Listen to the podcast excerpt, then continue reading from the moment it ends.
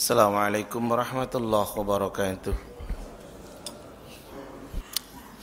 Innal hamdalillah hamdan katsiran tayyiban mubarakan fi kama yuhibbu rabbuna wa yardha Ashhadu an la ilaha illallah wahdahu la sharika lah Wa ashhadu anna Muhammadan abduhu wa rasuluhu sallallahu alaihi wasallam وعلى آله وأصحابه أجمعين. يا أيها الذين آمنوا اتقوا الله اتقوا الله حق تقاته ولا تموتن إلا وأنتم مسلمون. يا أيها الذين آمنوا اتقوا الله وقولوا قولا سديدا. يصلح لكم أعمالكم ويغفر لكم ذنوبكم. ومن يطع الله ورسوله فقد فاز فوزا عظيما أما بعد Duyuf Rahman, para tamu Allah Kita awali dengan menyampaikan rasa syukur kepada Allah Jalla wa'ala Yang telah memberikan kesempatan indah kepada kita Untuk menjadi pemakmur akan rumahnya Ini adalah satu sikap yang mahal karena sikap kepedulian. Hadis Rasulullah SAW mengingatkan kepada kita tujuh golongan yang kelak tidak ada naungan kecuali naungan Allah Ta'ala semata. Dan itu dialamatkan kepada seseorang yang hatinya terkait dengan rumah Allah. Rajulun qalbuhu mu'allakun bil masajid. Tidak hanya itu, mendatangi rumah Allah setelah kita bertoharoh ternyata juga memberikan dua keuntungan sebagaimana sabda Rasul sallallahu adalah tarfa'u darajah diangkatnya kedudukan kemudian yang kedua terhapusnya akan kesalahan. Baik. Pagi ini kita akan bicara tentang amal-amal yang Allah cintai kita akan lihat dulu ketika Syabdul Wahab menyampaikan dalam pengantarnya kitab beliau yang juga anak kaji di sini. Di mana beliau sampaikan bahwa wajib atas setiap muslim gitu. Yajibu ala kulli muslimin ta'alluma arba'a masail gitu wajib atas setiap muslim untuk mempelajari empat masalah. Itu di awal, itu paling awal. Yang pertama adalah mempelajari akan ilmu. Dan bicara tentang ilmu itu ternyata ada tiga keterkaitan. Yang pertama ilmu akan mengenal Allah, ma'rifatullah, harus dengan ilmu, tidak bisa tidak. Yang kedua adalah ma'rifatu ma'rifatun Nabi SAW, mengenal akan Nabi SAW. Kemudian yang ketiga, ma'rifatu dinil Islam, mengenal akan dinul Islam. Lah, poin yang kedua inilah sekarang, yaitu al-amalu bih, itu. mengamalkan akan dinul Islam. Tidak sedikit orang mengamalkan akan dinul Islam yang didapat hanya lelah dan capek di dunia. Di akhirat dia kelak bukan pahala yang dia dapatkan, tetapi adalah murka Allah dan siksa. Ibnu Qayyim al-Jauziyah menyatakan ada tiga syarat amal itu akan diterima. Yang pertama adalah ini harus nyebut orangnya. Betul tak? Pak Windra. Buka Pak Qurannya suratnya 18 ayatnya 107 iya. Silakan Pak Wendra. Surat Al-Kahfi 107 yuk silakan. Hmm. sungguh orang yang beriman dan mengerjakan kebajikan untuk mereka disediakan surga Firdaus sebagai tempat tinggal. Sekran Al-Firdaus nuzula gitu tempatnya untuk mereka yang beriman dan beramal soleh. Jadi landasan awal seseorang akan diterima amalnya mesti dengan keimanan dan keislaman, tidak bisa tidak. Sebagus apa pun amaliyahnya, sebanyak apa pun dia pengorbanannya, tapi ketika dua landasan ini tidak ada, maka hanya akan menghasilkan kesia-siaan belaka. Gitu. Jadi mesti ada landasan iman dan Islam Makanya Allah Ta'ala sampaikan di awal Siapa mencari agama selain Islam Dia amalnya tidak akan diterima Dan di akhirat dia termasuk orang yang merugi Surat berapa itu? Oh, enak kan langsung pagi-pagi langsung hadiah gitu Quran ya. Yuk tunjuk tangan aja yang tahu Siapa mencari agama selain Islam Gitu Surat berapa itu? Ayatnya. Ah kelamaan. 85 yuk lama ya mah. Pokoknya harus cepat ngaji dengan saya itu harus cepat ngejawabnya ya ayo. Ya monggo. Tadi yang Pak Ustadz bahasa surat Al-Kahfi ya. Bagus ya. Mantap. Ya monggo. Dan barang siapa mencari agama selain Islam dia tidak akan diterima. Dan di akhirat dia termasuk orang yang rugi. Taib, landasan awal itu iman dan Islam, tidak bisa tidak. Landasan yang kedua, saya awali dengan ayat dulu. Ayat ini dijelaskan oleh seorang tabi'in. Beliau bernama Fudail bin Iyad. Harus ingat itu.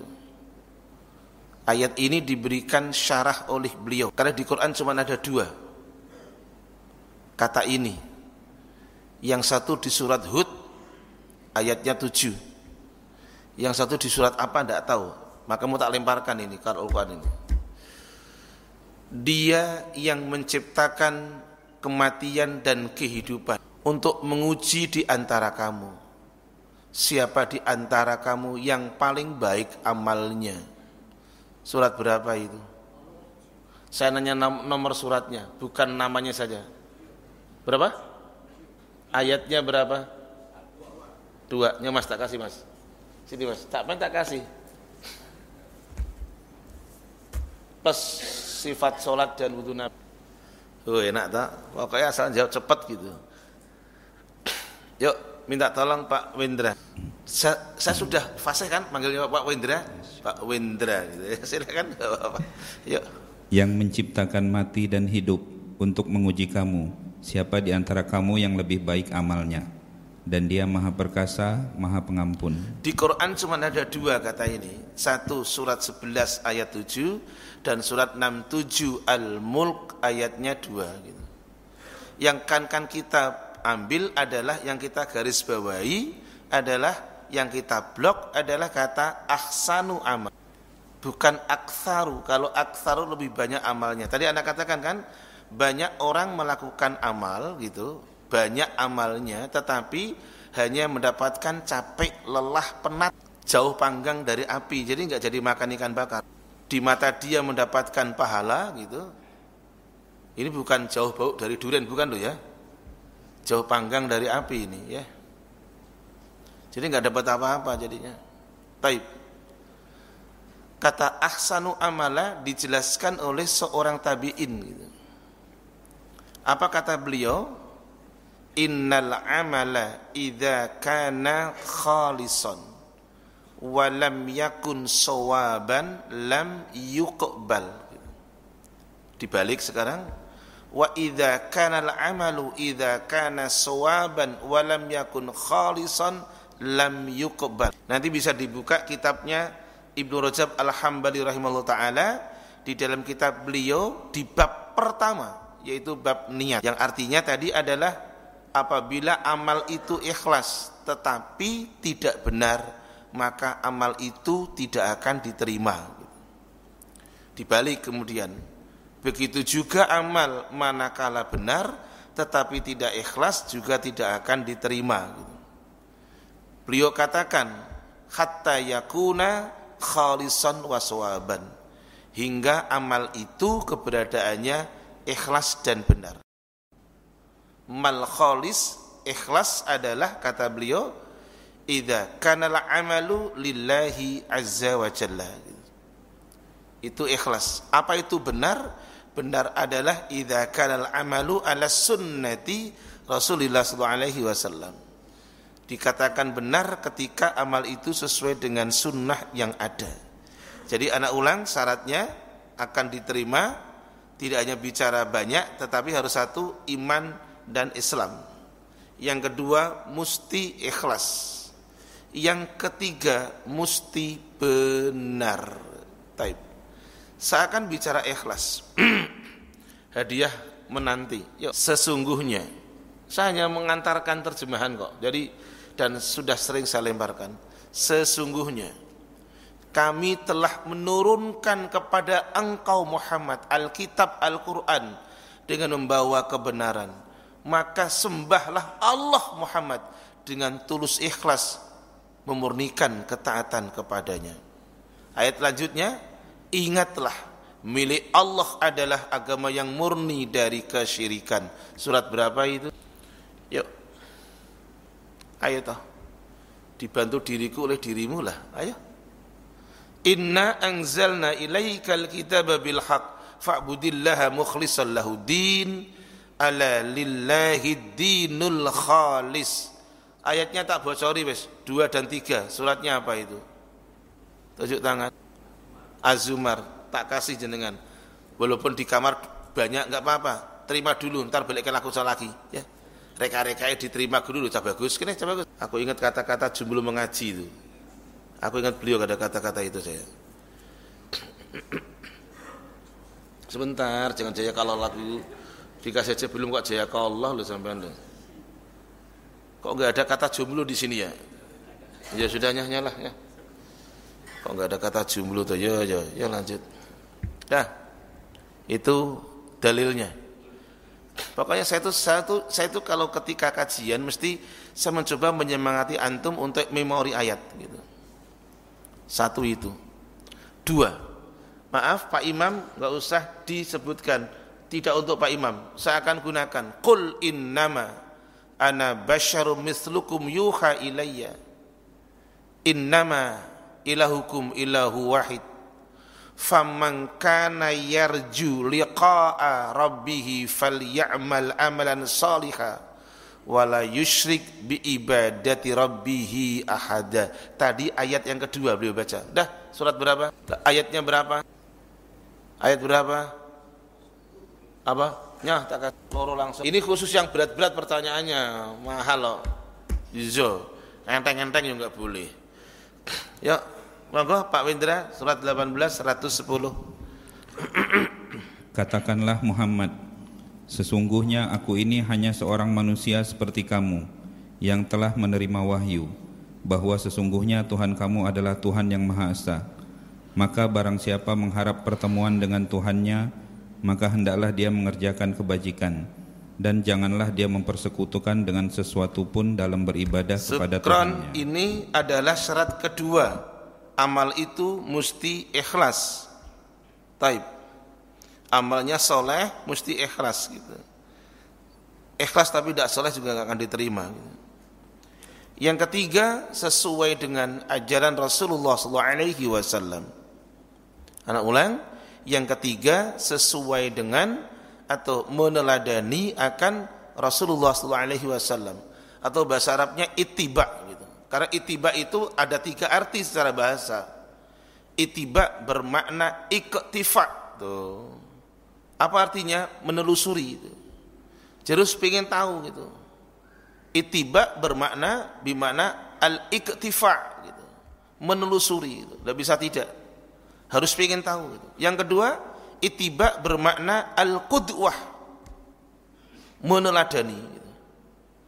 Yang ketiga, al-itiba bermakna al-uswah. Mencontoh. Tidak bisa tidak. Dalilnya sudah umum. Qul in kuntum tuhibbunallaha fattabi'uni yuhibbukumullahu wa yaghfir lakum dunubakum wallahu ghafurur rahim. Surat berapa? Ayat berapa? Ayo. Kul ingkung tum. Pak Imam tidak masuk, tidak boleh. Nanti dapat hadiah terus. Pak Wendra boleh. Iya boleh, wong bakal gak ketemu ya dah. ya silakan, coba ya dibantulah. Udah deh, sekarang tak kasih hadiah ini deh. Yo. Ayo toh. Ini bagus ini. Ini Quran ini yang saya kirim ke lapas loh ini. Betul. Saya itu telah mengirim ke lapas sekitar 250 Quran seperti ini. Ini di masjid ini masih ada beberapa kardus ini yang harus saya kirim ke lapas. Karena mereka butuh untuk itu. Ya. Yuk, surat berapa itu? Lah, lama. Ayatnya. Nyoh Pak, jenengan usaha Muhammad nyontek lagi bayangin. Enggak apa-apa, enggak apa-apa, enggak apa-apa, benar. Enggak Pak. Enggak apa-apa nyontek usaha. Itu bagus. Ya Pak Wendra, monggo. Dia nyarinya Muhammad tidak sampai nyontek coba. Ya, monggo.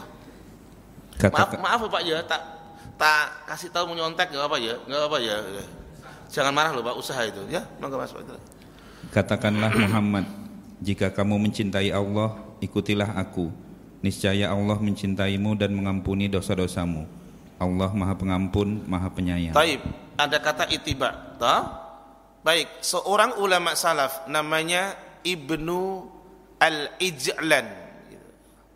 Seorang ulama salaf Ibnu Al-Ijlan. Rahimahullah taala menyatakan la yasluhul amalu illa bi thalathin. Amal tidak akan dikatakan baik kecuali dengan tiga perkara. Kata beliau ada mengatakan Ibnu Ajlan atau Al-Ijlan. La yasluhul amalu illa bi thalathin amal tidak akan dikatakan baik kecuali dengan tiga hal satu At-taqwa lillah. Anak ulang. At-taqwa lillah. Bertakwa kepada Allah. Yang kedua, wan niyatul hasanah. Niatnya baik. Selalu ada ada hubungannya. Selalu ada ada ada keterkaitannya. Yang ketiga, al-isabah, benar. Jadi amal tidak akan dikatakan baik kalau tadi kecuali dengan tiga at-taqwa pertama takwa yang kedua, an-niyatul hasanah, niatnya baik. Yang ketiga adalah al-isabah. Taib. Anda lanjutkan, masih bisa amal-amal yang Allah cintai. Satu hari seorang Arab Badui, siapa mereka? Orang Arab yang nomaden, nggak jelas, nggak tetap akan tempat tinggal. Mengatakan atau bertanya kepada Rasulullah SAW akan dua hal. Wahai Rasul, siapa orang yang paling Allah cintai? Satu. Yang kedua, Wahai Rasulullah, amal apa yang paling Allah cintai? Ada dua pertanyaan. Man ahabbu ilallah? Yang kedua, ayul a'mali ilallah? Anak ulang. Pertama, siapa yang paling Allah cintai? Yang kedua, amal apa yang paling Allah cintai? Apa jawaban Rasul? Beliau sampaikan, ahabbun nasi ilallahi ta'ala anfa'uhum linnasi. Manusia yang paling Allah cintai adalah yang paling kemanfaatannya mereka paling manfaat untuk manusia yang lain. Baik ilmunya apa saja, baik tenaganya, baik idenya apa pun saja adalah baik manfaat untuk orang lain. Kata manfaat tentunya pakai parameter SOP. Tidak melanggar akan normanya Allah sesuai dengan sunnah Rasulullah SAW. Kata baik itu bukan parameternya subjektif. Manfaat itu bukan parameternya subjektif. Manfaat itu mesti tidak keluar dari koridornya Allah dan sunnah Rasulullah SAW. Ini manusia yang paling Allah cintai. Taib. Ayatnya saya lemparkan sekarang. Tolong dijawab, walaupun maaf hadiah kecil. Gak apa-apa kan? Udah dapat Quran bagus. Eh, baik. Tolong menolonglah kalian dalam kebaikan dan takwa. Jangan tolong menolong dalam dosa dan permusuhan. Surat apa ini? Lima surat apa? Lima. Ayatnya berapa? Ayat tiga. Pak Wendra baca dulu betul enggak ayat tiga? Yuk. Surat lima Al-Maidah dua apa tiga tidak tahu biar dibaca dulu ya nanti kalau benar tak kasih kalau salah ya jangan ditarik lagi kan itu kan konsekuensinya. Ya Pak Wendra. Yuk, silakan. Ayat 2. Ya. Wahai orang-orang yang beriman, janganlah kamu melanggar syiar-syiar kesucian Allah. Ya. Dan jangan melanggar kehormatan bulan-bulan haram. Ya. Dan jangan mengganggu hadiu dan qolaid dan jangan pula mengganggu orang-orang yang mengunjungi Baitul Haram. Mm. Mereka mencari karunia dan keridhaan Tuhannya. Ya. Tetapi apabila kamu telah menyelesaikan ihram, maka bolehlah kamu berburu. Terus Jangan sampai kebencianmu kepada suatu kaum karena mereka menghalang-halangimu dari Masjidil Haram, Ya. mendorongmu berbuat melampaui batas kepada mereka. terus Dan tolong menolong dan tolong menolonglah kamu dalam mengerjakan kebajikan dan takwa. Dan jangan tolong menolong dalam berbuat dosa dan permusuhan. stop. Ayat berapa itu? Ayat 2. Oh enggak jadi Pak, ayat 2 Pak. Tarik lagi enggak apa-apa ya. Jangan nesu ya, enggak apa-apa ya. Tambah satu sih sebenarnya ayat 3 gitu. Baik, anak ulang. Bermanfaat untuk orang lain. Tolong mindsetnya jangan dirubah. Jangan bagaimana orang lain banyak manfaat untuk diri kita. Itu egois. Yang ada saat ini mindsetnya dirubah. Bukan bagaimana aku manfaat untuk orang lain, tetapi dirubah mindsetnya menjadi bagaimana orang lain banyak manfaat untuk diriku. Itu egois. Jadi mau- maunya dilayani terus, gitu. bukan melayani. Ya, itulah yang terjadi. Bukan sebagai khodim, tapi sebagai orang apa? Al-makhdum yang dilayani terus. Tidak baik. Maka ada satu hadis, cantik sekali hadisnya. Al-yadul ulya khairun min yadi sufla gitu.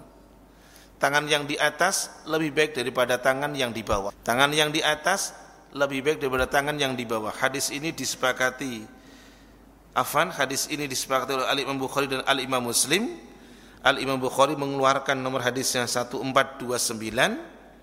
Muslim nomor hadisnya adalah 1033. Anak ulang hadisnya tadi. Ahabbun nasi ila ta'ala anfa'uhum linnas. Manusia paling Allah cintai adalah yang paling banyak manfaat untuk manusia yang lain. Taib. Lanjutkan.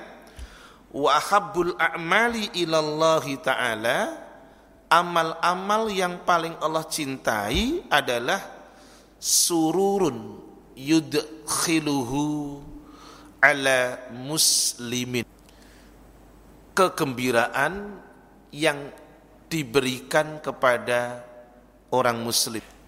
Ini amal yang Allah cintai. Pertama, sururun yudkhiluhu ala muslim. Rasa gembira atau kegembiraan yang dimasukkan atau diberikan kepada orang muslim. Itu yang pertama. Yang kedua, au yakshifu anhu kurbatan. Amal yang Allah cintai adalah melepaskan akan kesulitan orang muslim yang lain. Melepaskan, membuka akan kesulitan muslim yang lain. Maka ada hadisnya, man nafasa an muslimin kurbatan min kurabi dunya nafassallahu anhu kurbatan min kurabi yaumil qiyamah gitu. Ini hadis dari Abu Hurairah dikeluarkan oleh Muslim nomornya 2699 gitu.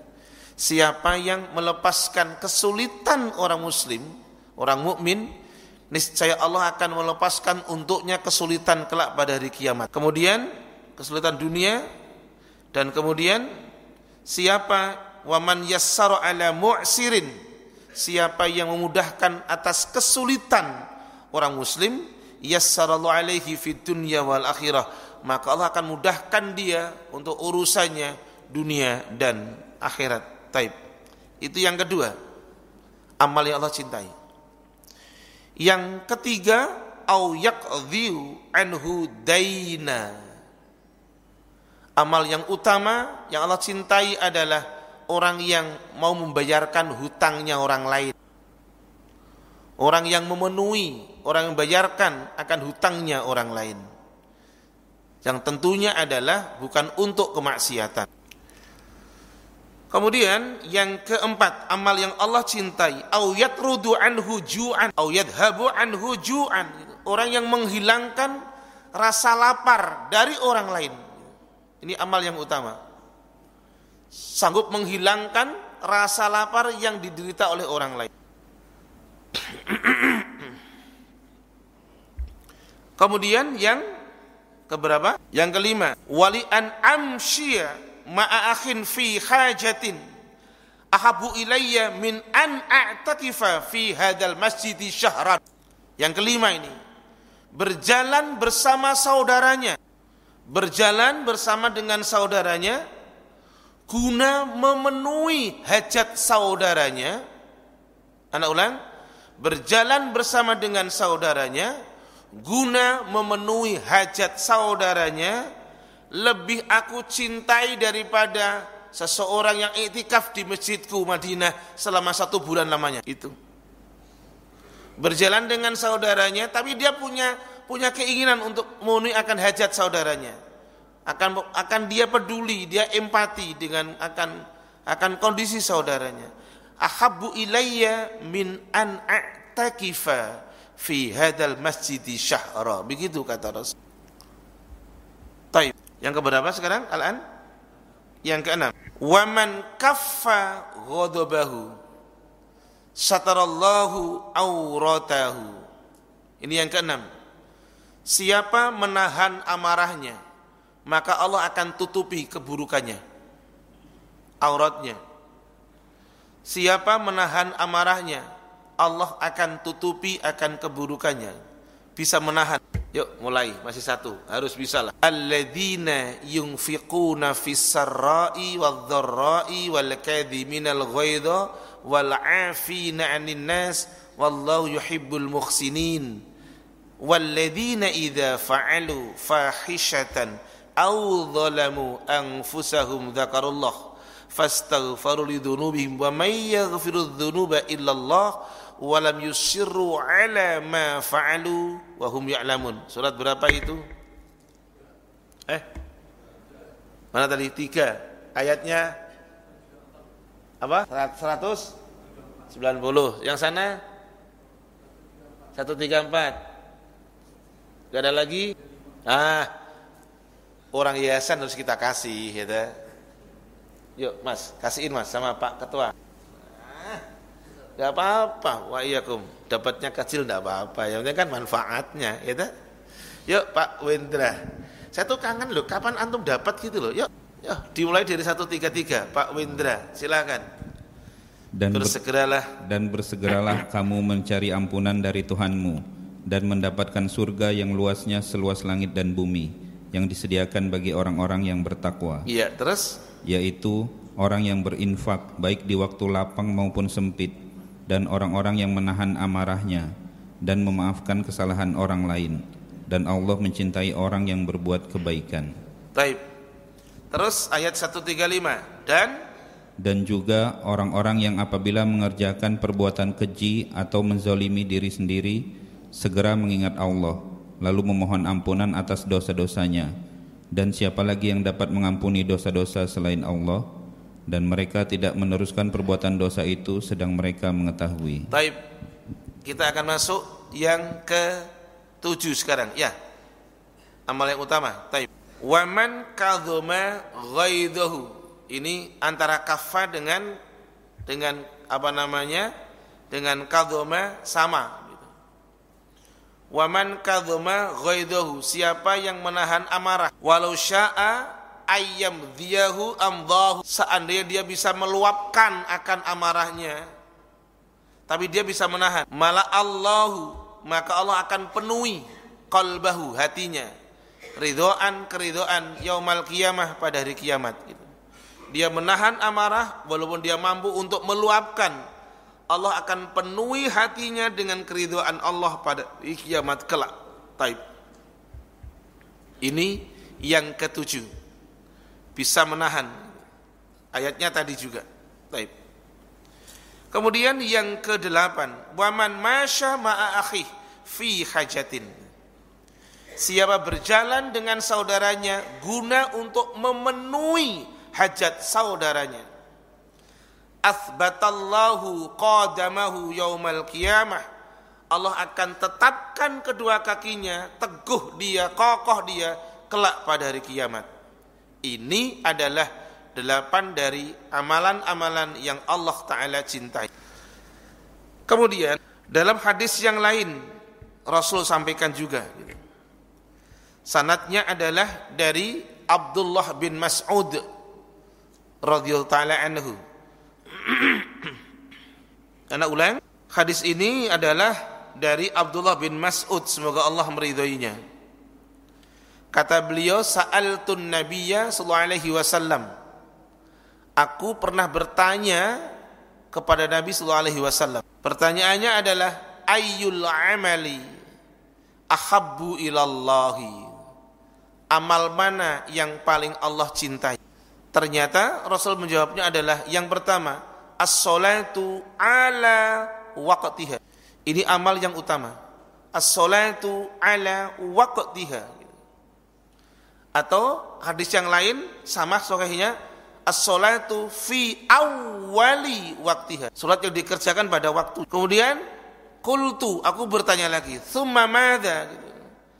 Summa ayun. Kemudian apa lagi ya Rasul? Kata Rasul, "Qal birrul walidain." Berbuat baik kepada kedua orang tua.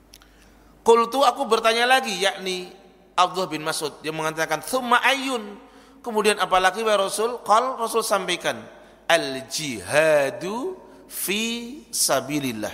Jihad di jalan Allah. Taib kita akan masuk satu solat yang dikerjakan pada waktunya.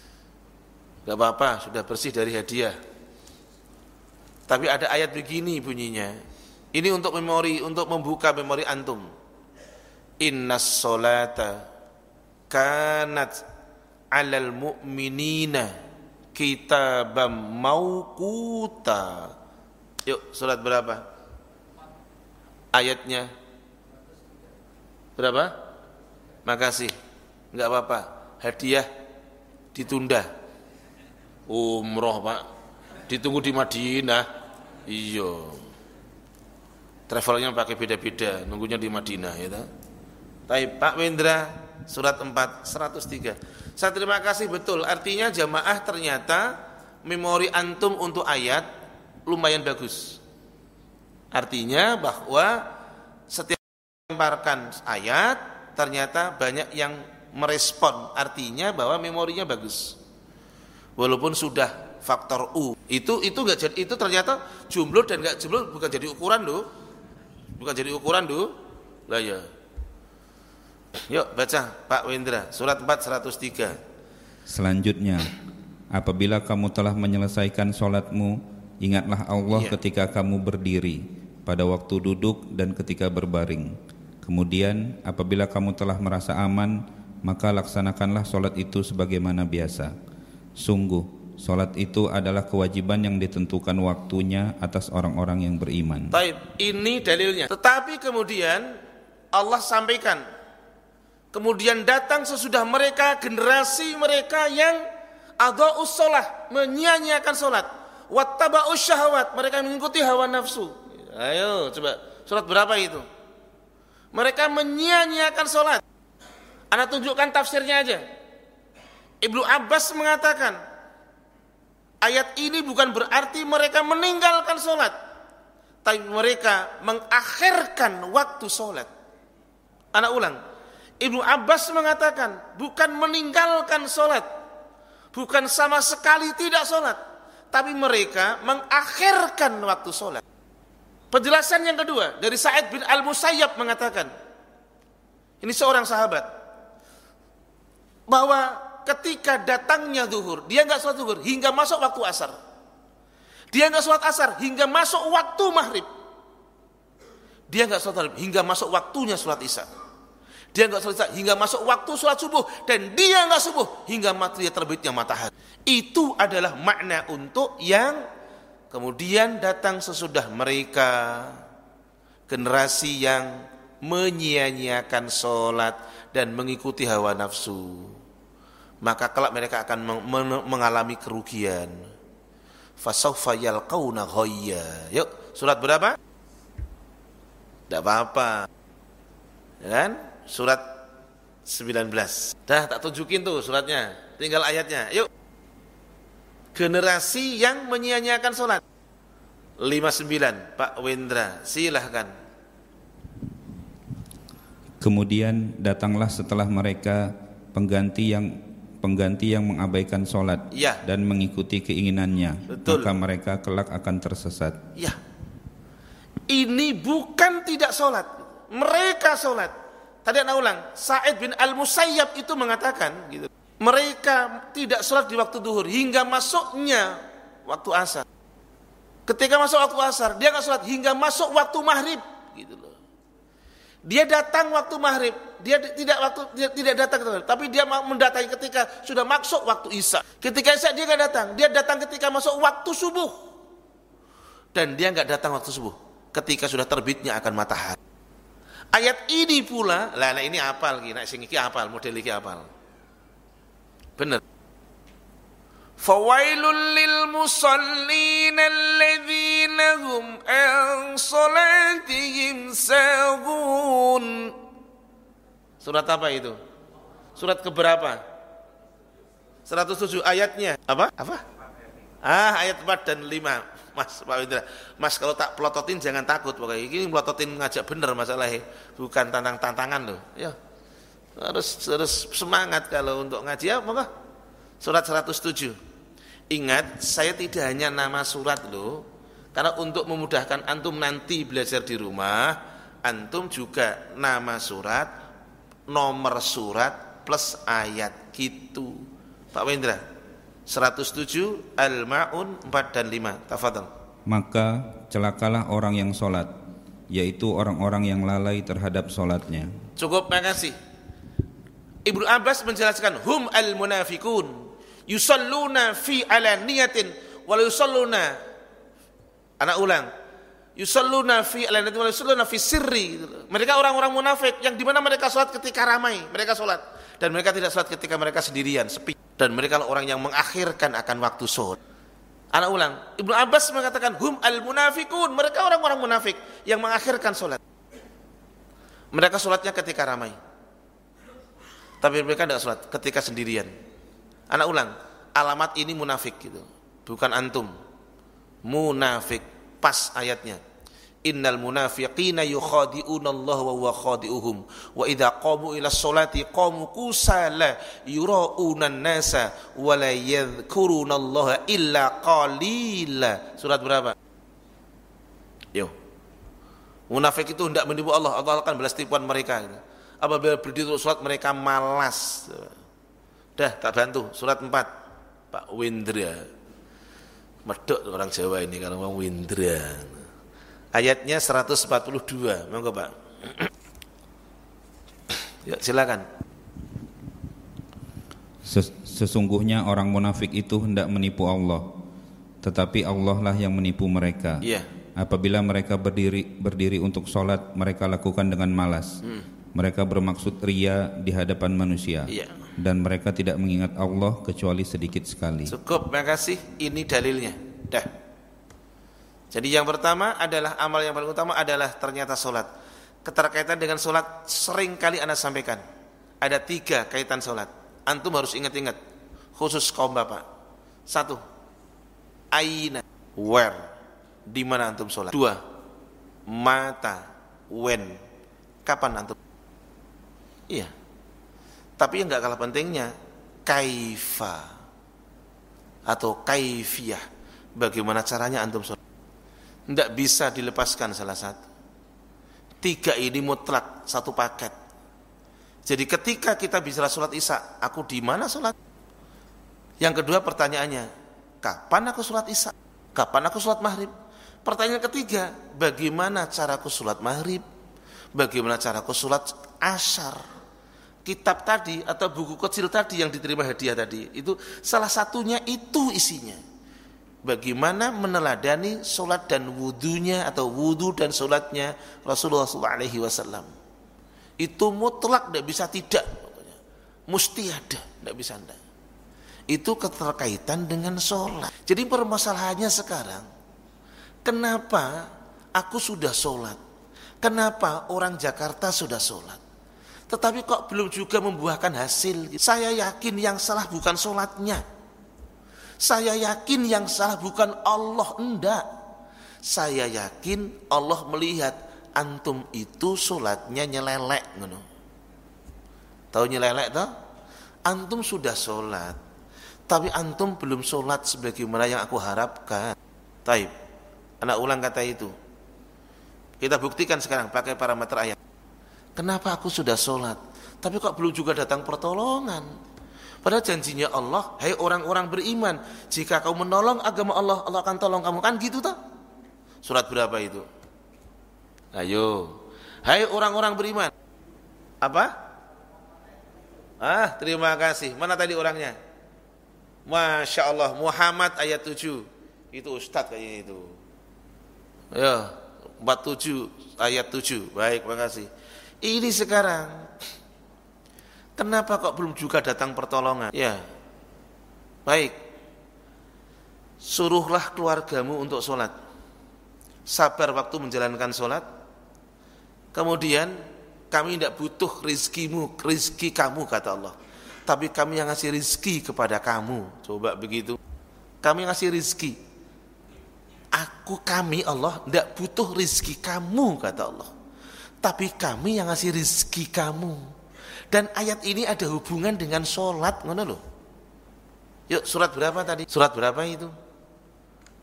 Wa'mur ahlaka bisolah wastabir 'alaiha la nas'aluka rizqa nahnu narzukuka wal akibatu. Jadi sekarang anak gunakan kalau ingin dapat pertolongan dari Allah, inilah solving. Kenapa belum, belum belum juga datang pertolongan? Karena kita belum memberikan, belum melakukan satu solusi sedikit pun. Kata kita solusi, kata Allah belum. Pak Wendra suratnya 20 ayatnya 132. Yuk, monggo. Bapak Wendra. Yuk, silakan. Dan perintahkanlah keluargamu melaksanakan sholat dan sabar dalam mengerjakannya kami tidak meminta rezeki kepadamu. Stop, kata kami. Allah itu tunggal. Rasul itu tunggal, satu. Muhammad. Tapi maaf saya menggunakan kata kami. Bentuknya jamak. Apa Allah banyak? Enggak. Sampaikan ke mereka yang soal protes dengan kata kami. Litakzim. Faedahnya apa itu? Untuk mengagungkan beliau Allah. Litakzim untuk pengagungan. Bukan berarti Allah itu banyak. Yuk dilanjut, diulang lagi. Kami enggak minta rizki, silakan. Kami tidak meminta rezeki kepadamu. Terus. Kamilah yang memberi rezeki kepadamu.